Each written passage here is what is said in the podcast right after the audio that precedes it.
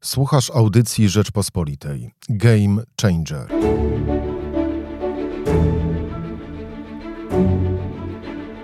Znamy już e, wstępne wyniki pierwszej tury wyborów e, prezydenckich. Od czego zależy to, kto wygra w drugiej turze? Co zrobią wyborcy Szymona Hołowni i czy wizyta prezydenta Dudy w Stanach Zjednoczonych miała jakieś znaczenie? O tym rozmowa z byłym prezydentem Bronisławem Komorowskim. Na program zaprasza Michał Kolanko. Dzień dobry, Michał Kolanko. Państwa i moim gościem jest dzisiaj Bronisław Komorowski, były prezydent. Dzień, dzień dobry, witam serdecznie. Dzień dobry panu i witam państwa. Jak duże wyzwanie ma przed sobą teraz prezydent Warszawy Rafał Trzaskowski?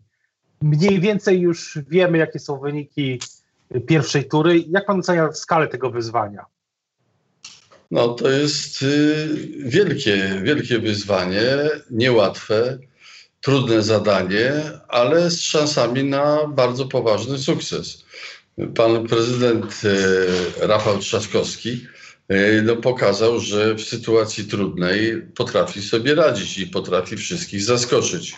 Zrobił świetny wynik, jak na bardzo krótką kampanię, krótszą, o wiele, wiele krótszą niż wszyscy mieli, wszyscy, praktycznie wszyscy jego liczący się konkurenci, no a szczególnie o wiele krótszą od kampanii pana prezydenta Andrzeja Dudy. Pokazał również to, że ma w sobie taką energię i taki talent zjednywania serc ludzkich. Według mnie to jest dużo, ale jeszcze niewystarczający, żeby odnieść e, pełny sukces.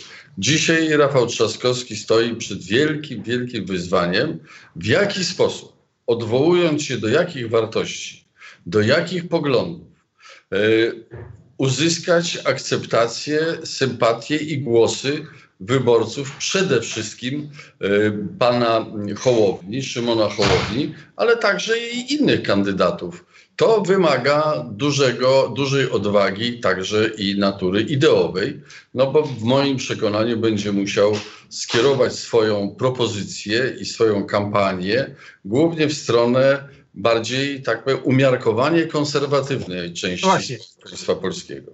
To jest pytanie, pytanie o, o drugą turę jest, jest wiele, ale to jest właśnie y, pytanie o, to, o, o kierunek, bo wydaje się, że wszystkich kierunków jednocześnie ani w polityce, ani e, w życiu naraz nie da się osiągnąć, że, że na coś musi się Rafał Trzaskowski teraz i jego sztab zdecydować. No, on ma łatwiejszą sytuację niż urzędujący prezydent Duda, bo prezydent Duda musi z jednej strony właściwie taki największy, aczkolwiek warto zwrócić uwagę, że o połowę mniejszy rezerwuar potencjalnych głosów to ma po stronie pana Bosaka, narodowców. E, a Rafał Trzaskowski to dwa razy większy rezerwuar. To są ludzie, y, którzy zagłosowali na, y, na Szymona Hołownię i na, i na y, Kosiniak-Kamysza. Więc Rafał Trzaskowski ma łatwiejsze, co nie znaczy, że łatwe zadanie. A pan prezydent Duda no, będzie trochę w politycznym szpagacie, bo jak to z jednej strony pozyskiwać narodowców, e, a z drugiej strony nie stracić głosów e, w, w centrum sceny politycznej. To wydaje się, jeśli wykonalne, to bardzo, bardzo trudne. E, czy ten triumfalizm polityków PiS Pana zdaniem jest dzisiaj rano uzasadniony, w poniedziałek rano? Znaczy mają powody do, do satysfakcji i do nadziei, ale do pewności siebie to powinna być jeszcze bardzo długa droga, bo pan prezydent Andrzej Duda wbrew zapowiedziom właśnie polityków PiS i własnym sugestiom, no nie wygrał w pierwszej turze. To znaczy, jest to kolejny sygnał, że w perspektywie ostatnich miesięcy i tygodni panu prezydentowi Dudzie notowania spadają i stopień poparcia spada. A Rafowi, Rafałowi Trzaskowskiemu w perspektywie tych tygodni, w których prowadzi kampanię, rośnie. Więc tutaj myślę, że do, powinni panowie z PiS poczekać z każdym triumfalizmem, abstrahując nawet od tego, że każda forma triumfalizmu jest zawsze wyborczo szkodliwa. Właśnie, ale też e, pytanie o, o to, na ile na ile w tym, w tym wyborczym wyścigu teraz przez te dwa tygodnie będą liczyć się debaty. Myśli pan, że prezydent Duda, pan debatował z prezydentem Dudą, ówczesnym wtedy kandydatem w 2015 roku. Czy myśli pan, że prezydent Duda się zdecyduje na debatę z Rafałem Trzaskowskim? Bo no Rafał Trzaskowski chce debatować. No jestem pewien, że się obaj panowie zdecydują. To byłoby no, przedziwne, gdyby w drugiej turze wyborczej, gdzie już jest wiadomo, kto z kim konkuruje tak bezpośrednio i o, o całość, no, gdyby nie było debaty y, publicznej. Ta debata w moim przekonaniu w odniesieniu do Rafała Trzaskowskiego to jest jego wielka szansa właśnie na przekonanie wyborców Kośliniak-Kamysza i Hołowni. To jest ta jego wielka, prawdziwa szansa. Pan prezydent Duda w moim przekonaniu poprzez kampanię będzie próbował nie tyle pozyskiwać nowe środowiska, ile utrwali, utrwalić swój stan posiadania na dzień dzisiejszy może w taki sposób rozproszony gdzieś wszędzie będzie łowił. E, no, na to wygląda, bo trochę tak jak e, w Waszyngtonie 20 razy dziękował prezydentowi Trumpowi, już nie wiadomo za co, no to tu też dziękował wszystkim swoim konkurentom, wymieniając i tych nawet, którzy mieli tam po 0,2% poparcia. Więc ja z tego wyciągam wniosek, że będzie próbował łowić wszędzie. No a wie pan, wszędzie może oznaczać, że nigdzie nie złowi.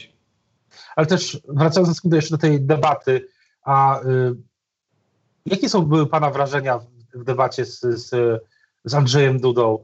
Y, czy, czy na przykład odwracając trochę sytuację, czy, czy Rafał Trzaskowski musi jakąś fla flagę przynieść na tą debatę, na przykład białą, o której wiem, że, często? Wiem, że raz w tej nieszczęsnej, fatalnej przecież nieuczciwie zorganizowanej debacie w telewizji publicznej. Zdaje się, że tam przed panem prezydentem Dudą stanęło zdjęcie Jarosława Kaczyńskiego. Tylko tyle, że zmanipulowana telewizja publiczna e, tego nie pokazała. Więc, e, no bo wszyscy wiedzą, że najpoważniejszym problemem pana Andrzeja Dudy jest to, że absolutnie jest przekonanie panuje pełne, że każdy głos na niego oddany tak naprawdę będzie głosem oddanym na Jarosława Kaczyńskiego, na przedłużenie o kolejne pięć lat jego pełnej albo częściowej władzy w Polsce. E, więc y, y, jestem pewien, że jakiś sposób budowania e, takiego, czy przypominania o tych y, niedobrych i takich, powiedziałbym, szkodliwych nadmiernych związkach prezydenta Dudy z Jarosławem Kaczyńskim jest jak najbardziej na miejscu. Ale też e, co do, e, rozmawialiśmy też o, wspomniał Pan o Szymonie Hołowni, e, Pan jako polityk z dużym, z bardzo dużym doświadczeniem i właśnie prezydenckim, politycznym. Jak Pan sądzi, czy, czy Szymon Hołownia po tym, co Pan słyszał, widział w tej kampanii, czy on ma szansę utrzymać ten ruch swój, który zapowiada no, prawdopodobnie przez najbliższe trzy lata. No właśnie, tu jest według mnie klucz także do zrozumienia, na czym może polegać interes polityczny Szymona Hołowni, który zapowiedział zorganizowanie własnej siły politycznej. Ja chętnie zresztą na ten temat potem parę zdań powiedział, bo uważam, że jest w Polsce czas i miejsce na scenie politycznej na, dla formacji, tak powiem, umiarkowanych katolików, dla formacji umiarkowanych konserwatystów, marzących jednocześnie o nowoczesności. Interesem Szymona Hołowni może być to, żeby stopniu maksymalnym skrócić czas, przez który będzie musiał donieść swoje poparcie w wyborach prezydenckich do wyborów parlamentarnych. Trzy lata to jest bardzo dużo. E, ale gdyby przegrał pan Andrzej Duda wybory z Rafałem Trzaskowskim, no to wtedy myślę, że na 90% wybory parlamentarne byłyby zarządzone przez Jarosława Kaczyńskiego w perspektywie najbliższego roku najpóźniej. To znaczy, że przez rok łatwiej donieść e, poparcie polityczne zdobyte w wyborach e, prezydenckich i myślę, że Szymon Hołownia to będzie także uwzględniał. Natomiast Czyli, oprócz tego... Wejdę panu słowo. Tak?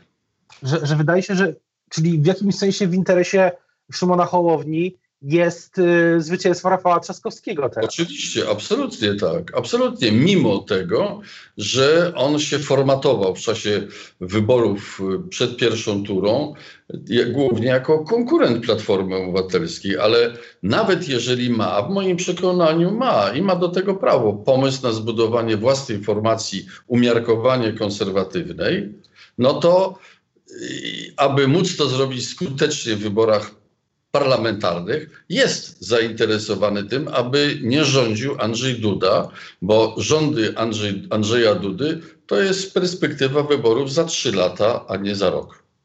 Właśnie, bo też, ale wspominał Pan o tej nowej formacji politycznej, no ale ona by, ona by rywalizowała e, z Pana macierzystą formacją, czyli z, z Platformą. No, Platforma Obywatelska w moim przekonaniu miała swoje największe, najlepsze czasy w momencie, kiedy dysponowała dwoma wyrazistymi skrzydłami, liberalnym, ale i konserwatywnym.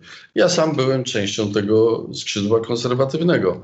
Dzisiaj niestety nie dysponuje takim skrzydłem, więc ma do wyboru albo dopuszczenie do powstania konkurenta, ale jednocześnie potencjalnego y, sojusznika czy koalicjanta właśnie w postaci ruchu e, umiarkowanego konserwatyzmu i katolicyzmu, jakich wydaje się proponować pan Szymon Hołownia, no albo musiałaby e, odbudować własne skrzydło, na co chyba jest o wiele, co jest chyba o wiele trudniejsze. Więc tak czy siak myślę w perspektywie następnych lat to i Platforma i ruch polityczny czy partię, którą stworzył pan Szymon Hołownia, e, są jakby skazane na jednoczesne konkurowanie, ale jednoczesną e, koalicyjność i zdolność do współpracy, bo w wymiarze programowym, jeśli chodzi o poglądy gospodarcze, społeczne, politykę zagraniczną, problemy prawa polskiego, to tam różnic prawie nie ma. Różnice są w rozłożeniu, akcentów światopoglądowych czy yy, ideowych. No właśnie, a też sprawy zagraniczne. A nie był pan, y, ja byłem zaskoczony trochę e, czy, tym, że w kampanii pana prezydenta Trzaskowskiego jednak spraw zagranicznych było bardzo mało. E, spodziewałem się, że pan Trzaskowski będzie jednak swoje takie mm, rezumé, doświadczenie z, z, z, pracy w Parlamencie Europejskim, z pracy jako minister, minister e, będzie wykorzystywał. Tymczasem w tej kampanii tego, tego nie było i może to też jest przyczyna, dla której te wyniki się tak układały.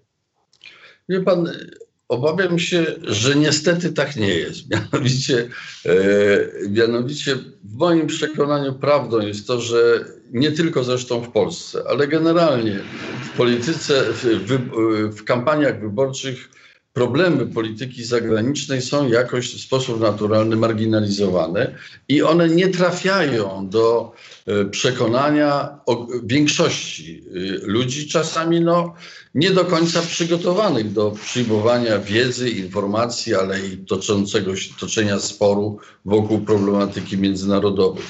E, wybory mają to do siebie, że one najczęściej kierują uwagę w stronę bezpieczeństwa obywateli, rozumianego także jako bezpieczeństwo socjalne, bezpieczeństwo ekonomiczne, bezpieczeństwo, bezpie, także i bezpieczeństwo na ulicach.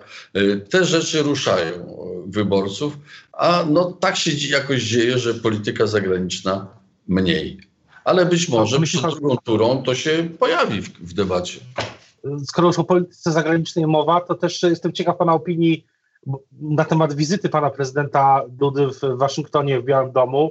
E, pan też e, wielokrotnie gościł w Białym Domu. W, w, oczywiście w, wtedy polityka światowa też wyglądała zupełnie, czy może nie zupełnie, ale jednak wyglądała inaczej. E, coś pana, na coś pan zwrócił uwagę przy tej wizycie obecnej prezydenta w Waszyngtonie? Czy pan na przykład w ogóle by się zdecydował na taką wizytę przed wyborami? Wie pan, gdyby nie dysponowanie przez Prawo i Sprawiedliwość monopolem na media y, publiczne, tak zwane publiczne, kiedy, a te obecnie partyjno-propagandowe, no to by ta wizyta niebywale w moim przekonaniu zaszkodziła reputacji e, urzędującego prezydenta. No bo po pierwsze była kompletnie e, pusta, jeśli chodzi o jakiekolwiek ustalenia. W zasadzie, wie pan, pieniądze przeznaczone na, na ten wyjazd powinny być wliczane Andrzejowi Dudzie do, e, do, do kosztów kampanii wyborczej. Ale oprócz tego no, była przeprowadzona w sposób taki, który przeczy dobrym obyczajom. Bo, bo dobre obyczaje mówią tyle w polityce, że zawiesza się kontakty zagraniczne, chyba że są jakieś właśnie no, niesłychanie pilne. No, gdyby mógł załatwić, nie wiem, yy, właśnie przeniesienie dywizji amerykańskiej na ziemię polskie, no to bym powiedział, no to nawet na cztery godziny przed wyborami można jechać ale tutaj jechał mając świadomość, że nic nie załatwił, że będzie deklaracja ta sama co rok temu ze strony Trumpa. No i wie pan najgorsze, no, tworząc wrażenie, że pojechał po błogosławieństwo e, od prezydenta Stanów Zjednoczonych, a przynajmniej wielu ludziom z mojego pokolenia to się kojarzy z wyjazdami pierwszych sekretarzy PZPR do Moskwy po błogosławieństwa Genseka w Moskwie. Wielokrotnie prezydent Trump e, Y, czy prezydent Duda dziękował prezydentowi Trumpowi, prezydent Trump chwalił bardzo prezydenta Dudę i czyż pytanie, czy na ile też w ogóle te relacje osobiste mają, mają znaczenie? No bo może wyborcy mogą, mogli dojść do wniosku, że jeśli one się nie odtworzą, to znaczy jeśli prezydent Duda nie, nie przestanie, być, przestanie być prezydentem, to wtedy Polska może mieć kłopot z załatwianiem ważnych spraw. Po pierwsze, ja nie odnoszę wrażenia, żeby to były relacje osobistej natury, czy sympatia osobistej natury. No, bo ani panowie sobie po imieniu nie mówią, ani nie, nie rozumiem, nie rozmawiają o sprawach prywatnych. To ze strony Trumpa, prezydenta Trumpa, to jest czysty interes ma takiego prezydenta w Europie Środkowo-Wschodniej, który płaci ciężkie pieniądze w sytuacji, kiedy inni nie chcą płacić tyle za sprzęt amerykański, za obecność żołnierzy amerykańskich.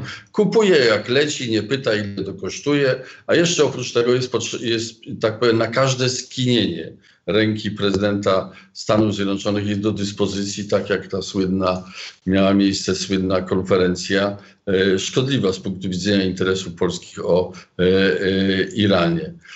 Więc to jest raczej interes ze strony prezydenta Trumpa, który przy samej całej swojej takiej chropowatości, żeby nie użyć ostrzejszego sformułowania, chyba w ogóle nie jest, nie, nie kieruje się jakimiś osobistymi y, sympatiami czy antypatiami. Może antypatiami tak, ale sympatiami się nie kieruje w polityce.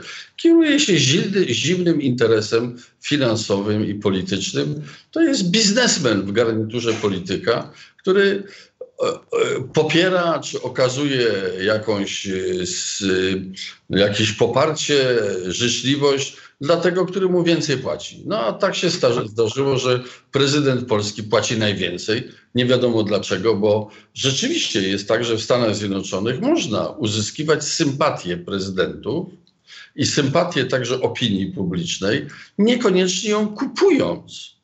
Ja z prezydentem Obamą miałem niesłychanie sympatyczne i powiedziałem serdeczne relacje, e, ale ja niczym mu nie płaciłem.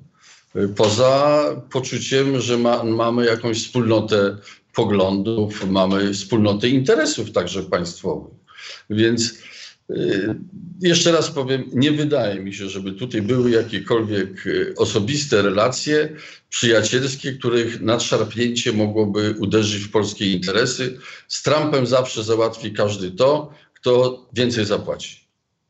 Co do, wracając, na, wracając już na polski, e, polski grunt, E, jeszcze rozmawialiśmy o kandydatach, ich wynikach, a czy, czy pana zaskoczyło to, że tak słaby wynik e, mieli kandydaci, którzy, którzy czy dwaj kandydaci, którzy wydawało się, że mogą w tej kampanii liczyć na dużo więcej, czyli Robert Biedroń i Władysław Kosiniak-Kamysz. Czy, czy myśli pan, że na przykład, że start Kosiniaka-Kamysza w ogóle był e, dla niego złym pomysłem? Wie pan, myślę, że mogę to dzisiaj ujawnić.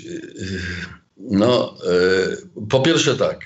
E, PSL i Platforma no, są związane wspólnym, długotrwałym okresem rządzenia. I błędem było i jest obecnie takie próby podejmowane przez niektórych polityków PSL-u udawania, że ich w tej koalicji nie było. Albo odcinania się, dystansowania. Ludzie temu nie ufają, bo pamiętają, że Kosiniak-Kamysz był wicepremierem w rządzie e, e, Platformy Obywatelskiej i PSL-u. Ja go zresztą wspominam bardzo dobrze. Świetnie nam się prowadziło razem politykę prorodzinną. E, to po pierwsze. Po drugie, wie pan, no PSL popełnia błąd według mnie, myśląc o tym, że więcej zyska dystansując się od swoich, od dawnych sojuszników, ale i obecnych, bo przecież jak się jest w opozycji wobec władzy, no to się w jakiejś mierze jest zawsze w sojuszu e, z innymi opozycjonistami. A jeszcze, właśnie powiedziałem, wie pan, w, w 2015 roku był taki pomysł, który być może w ogóle by zmienił bieg wydarzeń wyborczych, bo y, była propozycja, żebym był kandydatem PSL-u i Platformy Obywatelskiej, y, czyli całej koalicji. E, do tego nie doszło, bo jakieś nastąpiły, była obietnica ze strony ówczesnych władz PSL-u. Do tego nie doszło. Wystawiono, wystawił pan Piechociński pana Jarubasa, który zrobił jeszcze słabszy wynik niż dzisiaj Kosiniak-Kamysz. No ale to były głosy, przede wszystkim zabrakło efektu, wrażenia, że ja nie jestem kandydatem tylko jednej partii, z której się wywodzę. E, I to oczywiście miało swoje dalsze konsekwencje. Więc myślę, że dzisiaj też PSL popełnia błąd. Powiem, szkoda, dlatego że ja zawsze myślałem, że gdzieś na styku e, e, PSL-u Kosiniak-Kamysza, być może Gowina również, e, być może także pana Szymona Hołowni, właśnie powstanie taka formacja umiarkowanie konserwatywna, bo takie deklaracje składał Kosiniak-Kamysz, że będzie chciał budować partię, właśnie nowoczesną partię konserwatywną. Wydaje się, że dzisiaj tą okazję już utracił, że dzisiaj ta, szansa jest w rękach pana Szymona Hołowni. Zobaczymy, jak e, Szymon Hołownia poradzi sobie z tym wyzwaniem, którym utrzymanie tego... On ma jakby tutaj ma, ma złoty klucz w, ręka, w ręku, ale oczywiście to nie jest takie proste, dlatego że on w jakiejś mierze musi sam dokonać wyboru. Czy yy, od, chce odegrać tylko i wyłącznie rolę pana Pawła Kukiza w stosunku do mnie sprzed pięciu lat, Wtedy przypomnę, że pan Paweł Kukiz zrobił dużo większy wynik wyborczy, ale go nie zagospodarował i ułatwił, umościł drogę do zwycięstwa Andrzeja Dudy. Yy, zabrał moje, część moich głosów, głównie młodzieży, a nic sam nie zbudował. Więc pan Szymon Hołownia ma do wyboru albo być, ode, odegrać rolę, yy, rolę yy, Kukiza przy Trzaskowskim, albo, e, albo spróbować coś zbudować e, w jakiejś bliskości, jakimś sojuszu. I jeszcze raz powiem, wydaje mi się, że kluczem do sprawy będzie to, czy on tylko i wyłącznie powie tak, jak powiedział pan Bosak prezydentowi Dudzie de facto, że nie powie, na kogo będą, powinni głosować jego wyborcy, nie wskaże takiego kandydata i sam nie powie, na kogo głosuje. Pan Szymon Hołownia już powiedział, że on powie, na kogo głosuje i na pewno nie będzie to Duda. E, natomiast to jeszcze może być za mało, bo ja mówię, tą alternatywą dla roli e, Kukiza z 15 roku to byłoby wystąpienie aktywne z poparciem y, i namawianiem ludzi, własnych wyborców na poparcie Rafała Trzaskowskiego, być może za jakąś lepszą perspektywę właśnie zbudowania formacji i trochę y, konkurencyjnej, ale i kooperującej z Platformą Obywatelską, y, ale formacji bardziej tak umiarkowanego konserwatyzmu ciekawa, ciekawa perspektywa i myślę, że też ważne decyzje i przed Szymonem Hołownią, i przed e, Borysem Budką, i przed innymi politykami po stronie opozycyjnej. Teraz e, bardzo dziękuję e, za, za rozmowę. i będziemy śledzić, co dzieje się przez najbliższe 12 dni, bo myślę, że będzie bardzo ciekawie i będziemy też na pewno wiele rzeczy się jeszcze wydarzy też wokół Szumana Hołowni. Na Dziękuję pewno. bardzo, panie prezydencie. Dziękuję bardzo. To była audycja Rzeczpospolitej Game Changer.